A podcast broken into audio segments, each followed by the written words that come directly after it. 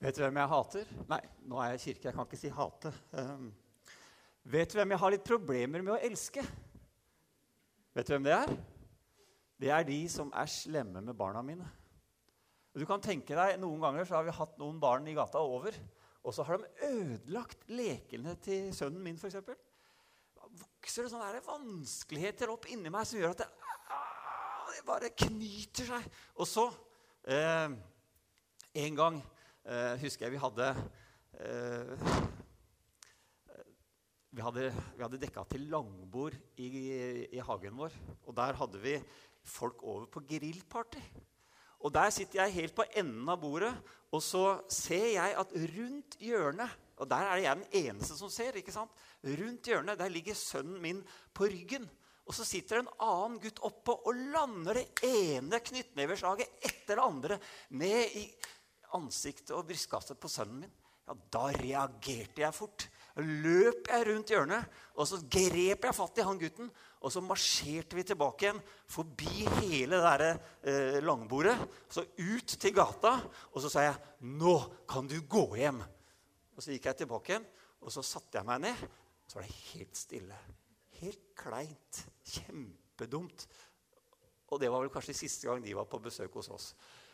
Jeg mister huet, vet du. For hvis noen gjør noen ting med ungene mine Det kan jo være læreren for eksempel, som, som, som eh, gir en dårlig karakter. Eller som, egentlig så kunne jo mye bedre skulle hatt en mye bedre karakter. Eller dette her er jo noe av det verste. Når treneren velger å alltid kjøre sin sønn istedenfor min. Enda alle vet jo at min sønn er mye bedre enn trenerens. Og hvis du gjør noe sånt mot mine barn, ja, da kan du prøve hva du vil. Du kan eh, gi meg gaver. Hjelper ingenting. Du kan til og med synge sanger til meg. Hjelper ingenting, det heller. Ikke engang om du gir meg penger, eller om du tilber mitt hellige navn. Det hjelper ikke. Det er noe som har engasjert seg på innsida her. Men det motsatte, det er også sant. Hvis du er snill med barna mine, ja, da liker jeg deg veldig godt. Eh, og det er jo noen restauranter som har blitt gode på dette her. McDonald's og andre. ikke sant? De, de digger barna dine, og da syns du det er ok å være der. En gang så satt jeg på sidelinja. Sønnen min spilte indreløper. Han eh, var ganske god og kom i kjempeposisjon til å skåre mål. Men rett etter den så løp det en annen kar som var veldig slem, og takla ham noe så stygt. Og han bare Full krasj, ikke sant? Og jeg bare Han kommer ikke til å kunne gå igjen etterpå. Jeg var helt sånn... Og før jeg får reagert, så bare vinker dommeren spillet videre. Jeg bare Er det mulig? Og så hopper han ved siden av meg. vet du. En mann i voksen alder. Han hopper opp og skriker 'Dommer! Ut med dommeren! Du er helt gæren!' Og jeg, vet du Jeg finner ut at jeg elsker han. Fordi han sto opp for min sønn. Ikke bare sto han opp for min sønn, men han dumma seg ut for min sønns vegne. Ja, jeg elsker han. Uh, ja, jeg måtte bare få det ut av systemet. Er det greit at jeg delte det i dag? Uff, du vet, Nå har jeg fått voksne barn, men du har kanskje noen barn. er det noen pappaer eller mammaer her? Ja, Da veit du hva jeg snakker om, gjør du ikke det? Ja. Jeg skal snakke om barmhjertighet i dag. Og eh, barmhjertighet, det er jo et litt vanskelig ord. Men eh, jeg har funnet en, eh, en, sånn fin eh, definisjon av det. Å være barmhjertig, det er å ha en disposisjon. Det er en Blåser jeg fælt på den her? Det er en grunnleggende og dominerende tendens i ens ånd, ens sinn, en følelsesmessig måte å møte verden på. Det preger humøret ditt, og det preger holdningen din. Og det er til å være god, gjøre godt og være vennlig. Det er barmhjertighet. Nå er det sånn at de kristne har en veldig god historie på dette med barmhjertighet. Men i dag så er vi kanskje ikke så opptatt av det. Eh, fordi vi tenker mer på tro. Det som er viktig, er hva vi tror, og at vi skal tro rett. Og på en god dag så har vi kanskje et ønske om at noen skal få del i vår tro også. Men har vi en grunnleggende og dominerende holdning til å gjøre godt? Kanskje det er på tide at vi får en sånn holdning til å gjøre godt. Ikke bare for de som elsker oss eller liker oss, eller som er like oss, men at vi kan få lov å være noe for de som er uønskede de som er uverdige, de som kanskje er fattige, de som har et knust håp, eller de som har gitt opp sjøl. De kristne har en utrolig god arv av dette. I dramatiske tider hvor de var forfulgte, hvor de strevde, hvor de var mindretallet, så måtte de gjemme seg under jorda i katakomber og andre ting. Allikevel så viste de omsorg de hadde opplevd at Gud elsker menneskeheten, og at den beste måten å elske Gud tilbake på, var å elske menneskene som var elsket av Gud. I år 165 så kom det pest til Europa. Det er ikke bare i disse dager man hadde koronavirus, men eh, sånn var det da. I år 165 da var det pest i Roma. Hver dag så kjørte man vogntog av døde mennesker ut fra byen. Og det sies at i løpet av den pesten så døde et sted mellom 25 og 30% av alle menneskene som bodde der. 100 år etterpå, i 265, så kom det en ny pest. Denne gangen mye verre. Hver dag så døde 5000 mennesker. Og I byen eh, som ligger på andre siden av, av Middelhavet, i Alexandria, så døde 60, 60 av de som bodde der. Og hva skjedde midt i den greia der? Jo, alle de som var leger, alle de som var rike, alle de som var noble eller staselige eller hadde ressurser, de prøvde å beskytte seg sjøl. Og den eneste måten man kunne beskytte seg sjøl, var jo også å trekke seg tilbake, flykte, isolere seg, eller som vi sier i dag, å være i karantene. Ikke sant? Så det gjorde de.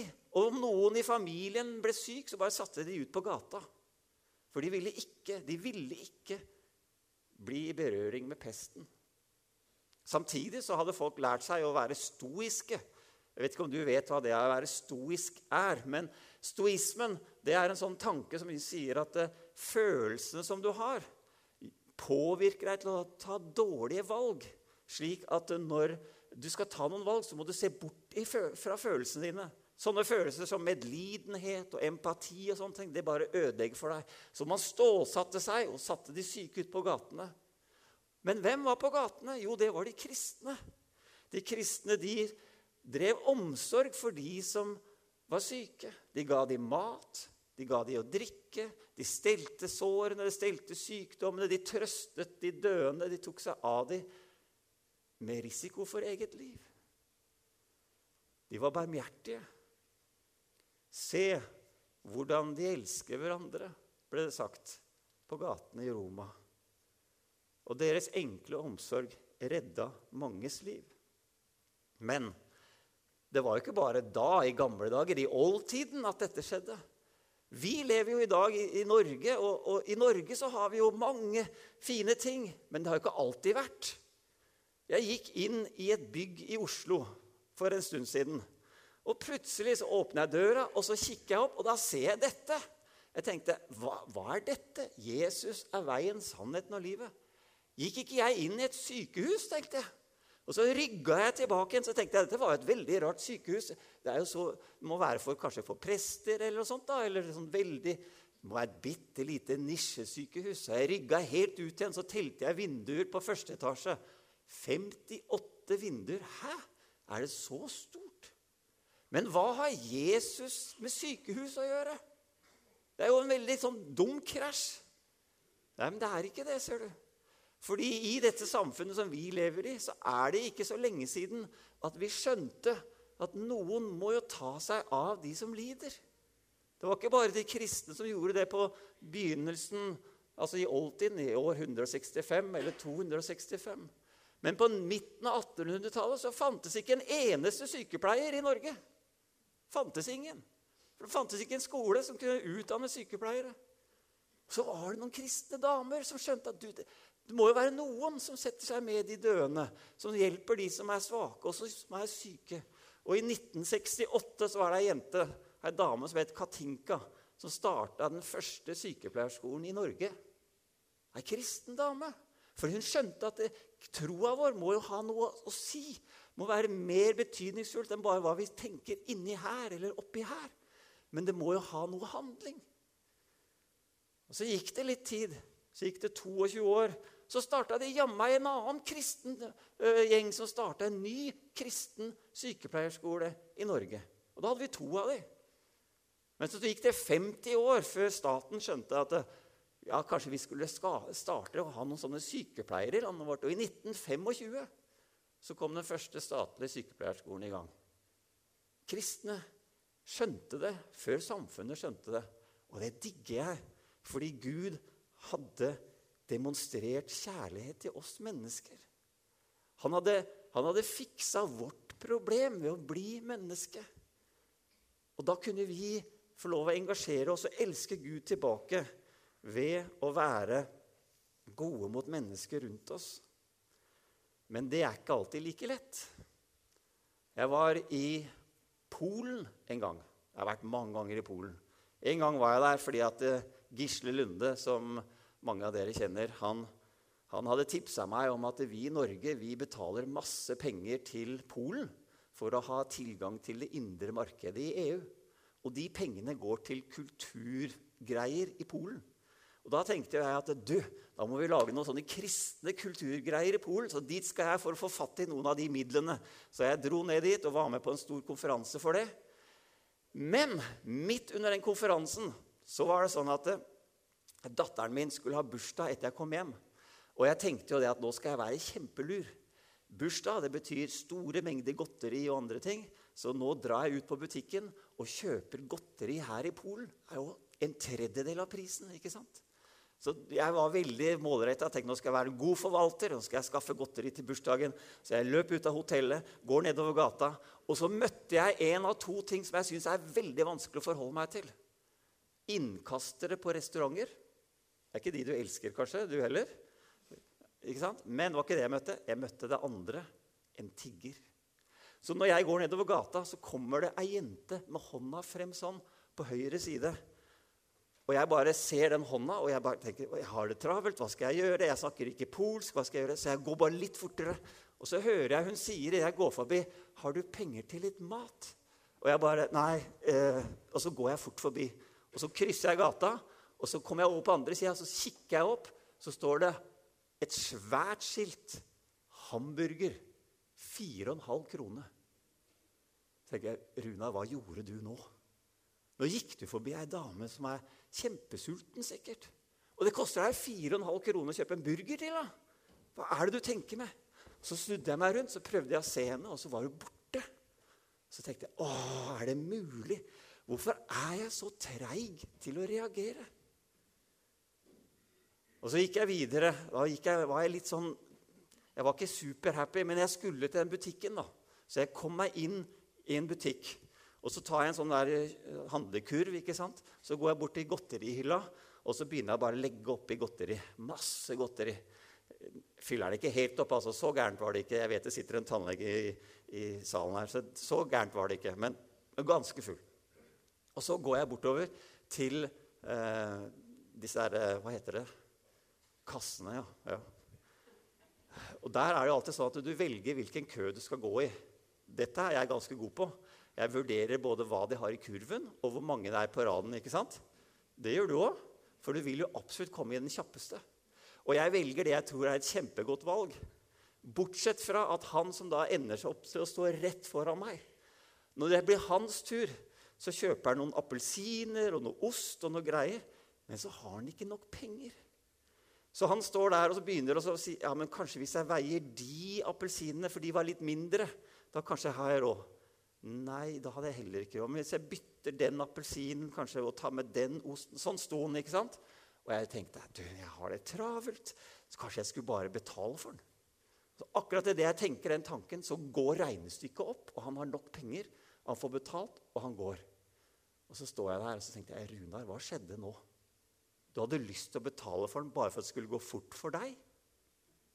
Nå er du litt vel egoistisk her, tenkte jeg idet jeg tok kurven og bare voff. Jeg tror ikke hun dama i kassa har tasta inn så mye godteri på én gang som jeg kom akkurat den gangen der. Og Så fikk jeg betalt, og så går jeg derfra og så går jeg enda mer lutrygga enn jeg gjør til vanlig. Og så, og så tenkte jeg dette livet her, dette går jo ikke an.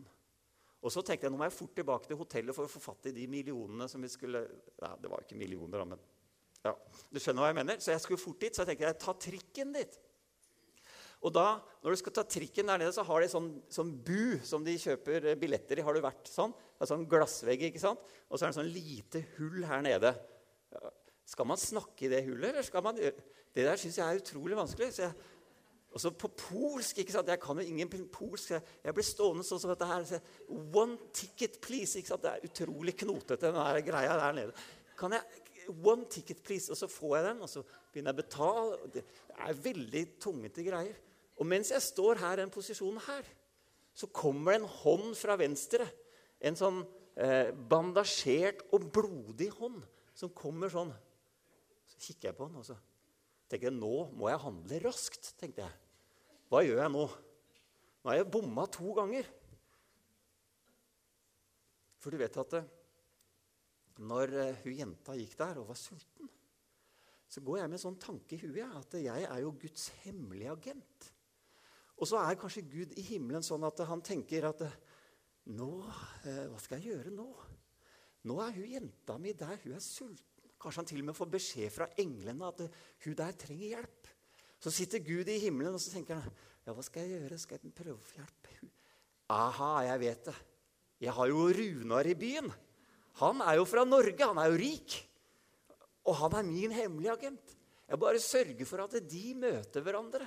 Så kan jo han bare hjelpe henne med litt mat. Og så får jeg ikke til. Så da står jeg her og tenker nå har jeg en ny sjanse. Hva skal jeg gjøre? Skal jeg gi de store pengene, eller skal jeg bare gi vekselpengene? Dette her tar jo litt tid å tenke gjennom. Men nå må jeg handle raskt. Jeg tenker, jeg, nå skal jeg i hvert fall ikke gjøre feil. Da tar jeg det meste. Så putter jeg pengene, store bildene Ikke bill, det er på engelsk. Det heter sedler i hånda hans. Og tar billetten, og så løper jeg av gårde. For jeg tenker, jeg vil ikke se henne engang. Og når jeg kommer ti meter ned i gata, så hører jeg et skrik bak meg. Og så er det en fyllik som står han! Og så skriker. For da holder han disse sedlene. Nå har han fått øl for kanskje én eller to eller tre. Jeg vet ikke hvor mange dager dette rekker til. Og så satte jeg meg på trikken og kom meg unna. Så sitter jeg der så tenker jeg Runar, du er egentlig veldig forkrøpla, du. Klarer ikke å forholde deg til mennesker som er i nød. Jeg tror ikke at jeg er sånn Jo, kanskje er jeg det òg, men det er ikke egoismen min, egentlig. Men jeg, jeg, tror kanskje at jeg mangler språket å snakke med. Jeg klarer ikke å relatere. Går, det, det, blir vanskelig å gjøre noe med det. Og jeg bare lurer på er jeg den eneste. Jeg har i hvert fall ikke en sånn automatisert, dominerende tendens til å gjøre godt. Og så har jeg lurt litt på og forresten, her har du jenta. Hun kom litt seint. Så har jeg lurt litt på Kan det være det at vi har hatt så vanskeligheter med å relatere til mennesker rundt oss som er i nød? At vi har begynt oss å tenke litt innover istedenfor å tenke utover. Og bry oss om mennesker der ute, så bryr vi oss heller litt mer om oss sjøl. Og så stiller vi et godt spørsmål, i hvert fall det som kunne være godt til å begynne med. Så sier vi til Gud, 'Gud, hva, hva må jeg gjøre?' Eller kanskje enda bedre hva må jeg tro for å sørge at alt, for at alt er ok mellom deg og meg, Gud? Hva må jeg gjøre? Hva, hva er det som skal til? Og så skjer det at vi begynner å utvikle sånn veldig sånn selvisk og sånn selvsentrert teologi. Som, som, jeg har prøvd å illustrere. Dette her er en litt dårlig illustrasjon, men bær over med meg. Her har du tre mennesker. Og du ser med en gang hvem som er kristen. gjør du ikke det? Det var meninga at du skulle se det. Det er han med gitaren og hun med henda i været. Ikke sant? Det er, det er kristne positurer. Og så er det en der som ikke er det. Du ser hva han har igjen av. Og så så har vi en sånn der, Det er på en måte et utsnitt av verden. da. Og så tenker vi med oss sjøl at det, det, viktigste vi gjør, det er at vi sender opp noen fine bønner og melodier og, og, og, og noen fine greier og tommel opp til Gud. liksom, og 'Dette er kjempebra, og vi er jo godvenn med deg, Gud'. Og så blir det enda bedre hvis Gud gjør det samme til oss. liksom, 'Hei, du er min sønn', eller 'du er mitt barn', og 'jeg elsker deg'. Og det er utrolig bra, ikke sant? Og så Hvis det er noe fælt som skjer, enten det er noe korona som kommer, eller det er noe et eller annet, så, så, så ber vi litt mot det. Ikke sant? Vi, vi kanskje å, står imot i Jesu navn, eller et eller annet sånt ting. Det er det vi holder på med inne i kirkene våre og i gruppene våre. Og alt mulig sånn. Og så Hva skal skje da? da? Jo, så går vi med en sånn lengsel inni oss at en dag så skal Gud liksom ut av klar himmel skal han komme og gjøre noe med han der naboen eller han andre som er litt slem. Ikke slå ham med et vredeslyn, men, men kanskje med vekkelse. Og så har vi helt glemt at du, hallo, vi lever jo på samme sted. Vi kunne jo bare gått bort dem. Det har vi helt glemt, for vi sitter jo innafor veggene våre. Er det litt sånn noen ganger? Hva om de eneste som kan være Jesu hender og føtter på denne jorda her, er faktisk de som har møtt Jesus sjøl? Kan det være? Hva om vi forsto at Gud ga oss et nytt bud? Dere skal elske hverandre, sa han. Og hvem er hverandre? Ja, Det er vel, det er vel oss som sitter her inne, vi som er venner og sånne ting. Vent litt nå. I fortellingen om den barmhjertige samaritanen så viser Jesus veldig godt hvem det er som er vår neste. Hvem som er hverandre det er de som har behov. Det er lett å elske de som ikke har behov. Men hva med oss, eller hva med de som har behov? Hva om vi hadde funnet ut det som det står om i Galaterne? At det dreier seg ikke om teologi og, og, og omskjæring og sånne ting. Her gjelder det bare tro som er virksom i kjærlighet. Eller som eh, Jesus sier, at alle budene, alle 613 budene, er oppfylt i dette ene budet. Du skal elske de neste som deg selv. Hva om vi innså at den beste måten å elske Gud på, var å elske andre mennesker? Hva om vi skjønte at essensen i å følge etter Jesus egentlig ikke dreier seg om oss? Men det dreier seg om de ved siden av oss. Hadde ikke det vært revolusjonerende? Hva om vi hadde skjønt at det å følge etter Jesus ikke dreier seg om oss som sitter her inne, men kanskje om disse her? To mennesker som ikke har verken klær eller hus. Altså, Bilen min har finere hus enn det de har. Det gjør noe med meg, det der. Heldigvis skal ungdommen i denne kirka her ned og hjelpe dem nå i sommer. Det er to mennesker som bor i Europa, på vårt kontinent. Det er helt sjukt. Gud har to kjempestore problemer. Det første problemet hans det er at han er usynlig. Hæ, sier du kanskje. Er det et problem? Jeg tenkte det hadde vært veldig kult å være usynlig.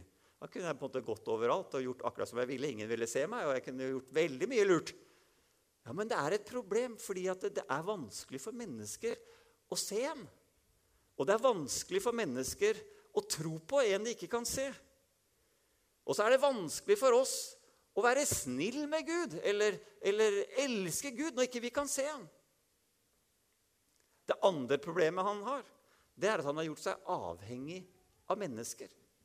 Avhengig av mennesker til å gi en klem til noen, eller til å gi litt klær til noen, eller til å gi litt mat til noen, eller til å bygge et nytt hus for dem. Men jeg har lyst til å si deg én ting. Det er, det er mulig å se Jesus. Det er faktisk mulig. For Jesus sier at det du har gjort mot en av disse mine minste, har du gjort imot meg. Og hvis du går og besøker en av disse her og ser dem inn i øya, så kan det godt hende at du ser Jesus. Det er mulig. Tenk deg åssen det hadde vært hvis vi var barmhjertige. At det lå i ryggraden vår, at vi klarte å elske, eller i hvert fall prøvde å elske mennesker. Tenk om vi som kristne ble kjent for å være de som ikke var først ute etter å korrigere en dårlig oppførsel, et avvik eller en feil, men at vi var kjent for de som satte tommelen opp til mennesker som levde i, i vanskeligheter, som levde uverdige liv. Tenk om vi kunne gi dem verdighet. Tenk om vi kunne beskytte farløse. Tenk om vi kunne gi enker hjelp. Tenk om vi kunne gi mat til de som lider nød og har trøbbel, eller bare er utafor.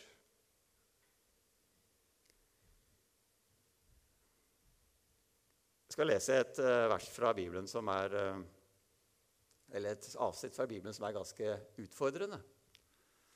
Men når menneskesønnen kommer i sin herlighet, og alle englene med ham, da skal han sitte på sin trone i herlighet, og alle folkeslag skal samles foran ham. Han skal skille dem fra hverandre som en gjeter skiller sauene fra geitene, og stille sauene på sin høyre side og geitene på sin venstre. Så skal kongen si til dem på sin høyre side, altså sauene, Kom hit, dere som er velsignet av min far, og ta i arv det riket som er gjort i stand for dere fra verdens grunnvoll ble lagt. Jeg vet ikke åssen det hadde vært, men hadde du stått der i den sammenhengen, så hadde du kanskje reagert Hæ? Hva, hva har jeg gjort for å fortjene dette? Og så fortsetter Jesus. Så sier han, for jeg var sulten, og dere ga meg mat. Jeg kunne ikke ha gitt ham mat. Jeg har aldri sett den før. Jeg var tørst, og dere ga meg drikke. Åssen kunne jeg klare det? Jeg var en fremmed, og dere tok imot meg. Jeg, jeg tok imot Jesus i hjertet mitt. Jeg har ikke sett ham der før. Åssen kunne jeg gjort det? Jeg var naken, og dere kledde meg. Jeg var syk, og dere så til meg. Hæ? Kan Jesus bli syk? Det ødelegger teologien min. Jeg er ikke helt sikker på at jeg får det til å stemme. Jeg var i fengsel, og dere besøkte meg. Hæ? Var han kriminell også? Det stemmer vel ikke helt? Da skal de rettferdige svare, Herre, når så vi deg sulten og ga deg mat? Eller tørst og ga deg drikke? Når så vi deg fremmed og tok imot deg? Eller naken og kledde deg? Når så vi deg?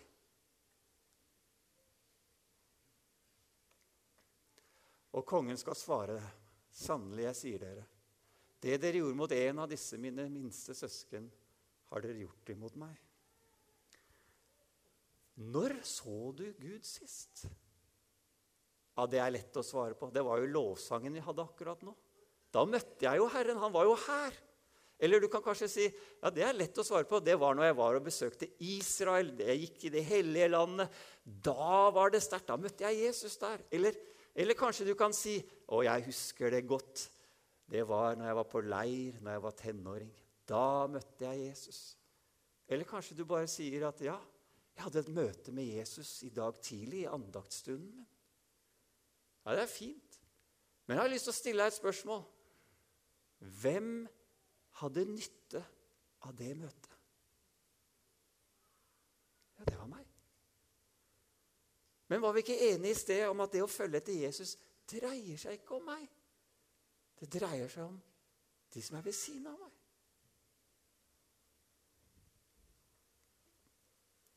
Hva om din kjærlighet og hengivenhet til Gud vises ved din kjærlighet til andre mennesker?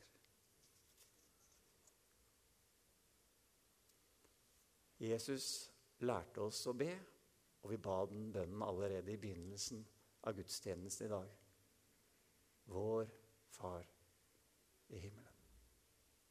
Hva om han, den faren, er litt lik den faren?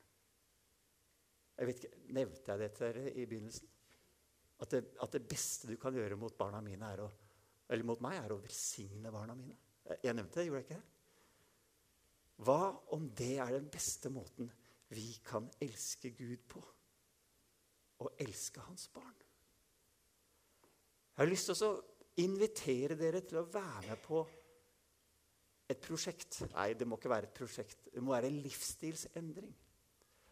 Og den livsstilsendringen skal få lov til å, skje hver gang du hører ett ord. Så vil jeg at du skal reagere. Og det ordet som du skal reagere på, det er ordet som heter 'ikke'. Er det greit? Så når du går herfra Hvis du opplever dette ordet 'ikke' i samtale med kollegaer eller barna dine eller naboene dine Når du hører ordet 'ikke', så må du tenke nå, nå er tiden inne. Nå skal jeg være eh, inkluderende og barmhjertig. Ok? For hvis du hører 'ikke', så må du reagere, og da sier du eh, Forresten, før vi tar den Å, nå så du det. Beklager. Hvis noen kommer til deg og sier, 'Vet du hva, jeg, eh, jeg har ikke bodd så lenge i byen her.' Ja, der var det en 'ikke'. Du hørte det? Jeg har ikke bodd så lenge i byen her. Eller kanskje de sier 'Det går ikke så bra for tida'. Eller kanskje de sier 'Jeg går som regel ikke i kirka', jeg. Eller kanskje de sier eh, 'Jeg får det ikke til så godt for tiden'.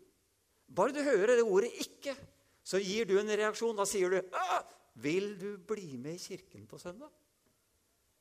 Så kan vi inkludere de. Så kan vi være til for noen andre enn oss sjøl. Hadde ikke det vært bra? Hvis vi tenker at hvis vi hører ordet 'ikke', så skal vi reagere så skal vi si 'Vil du bli med i kirken på søndag?' Skal vi prøve allerede her?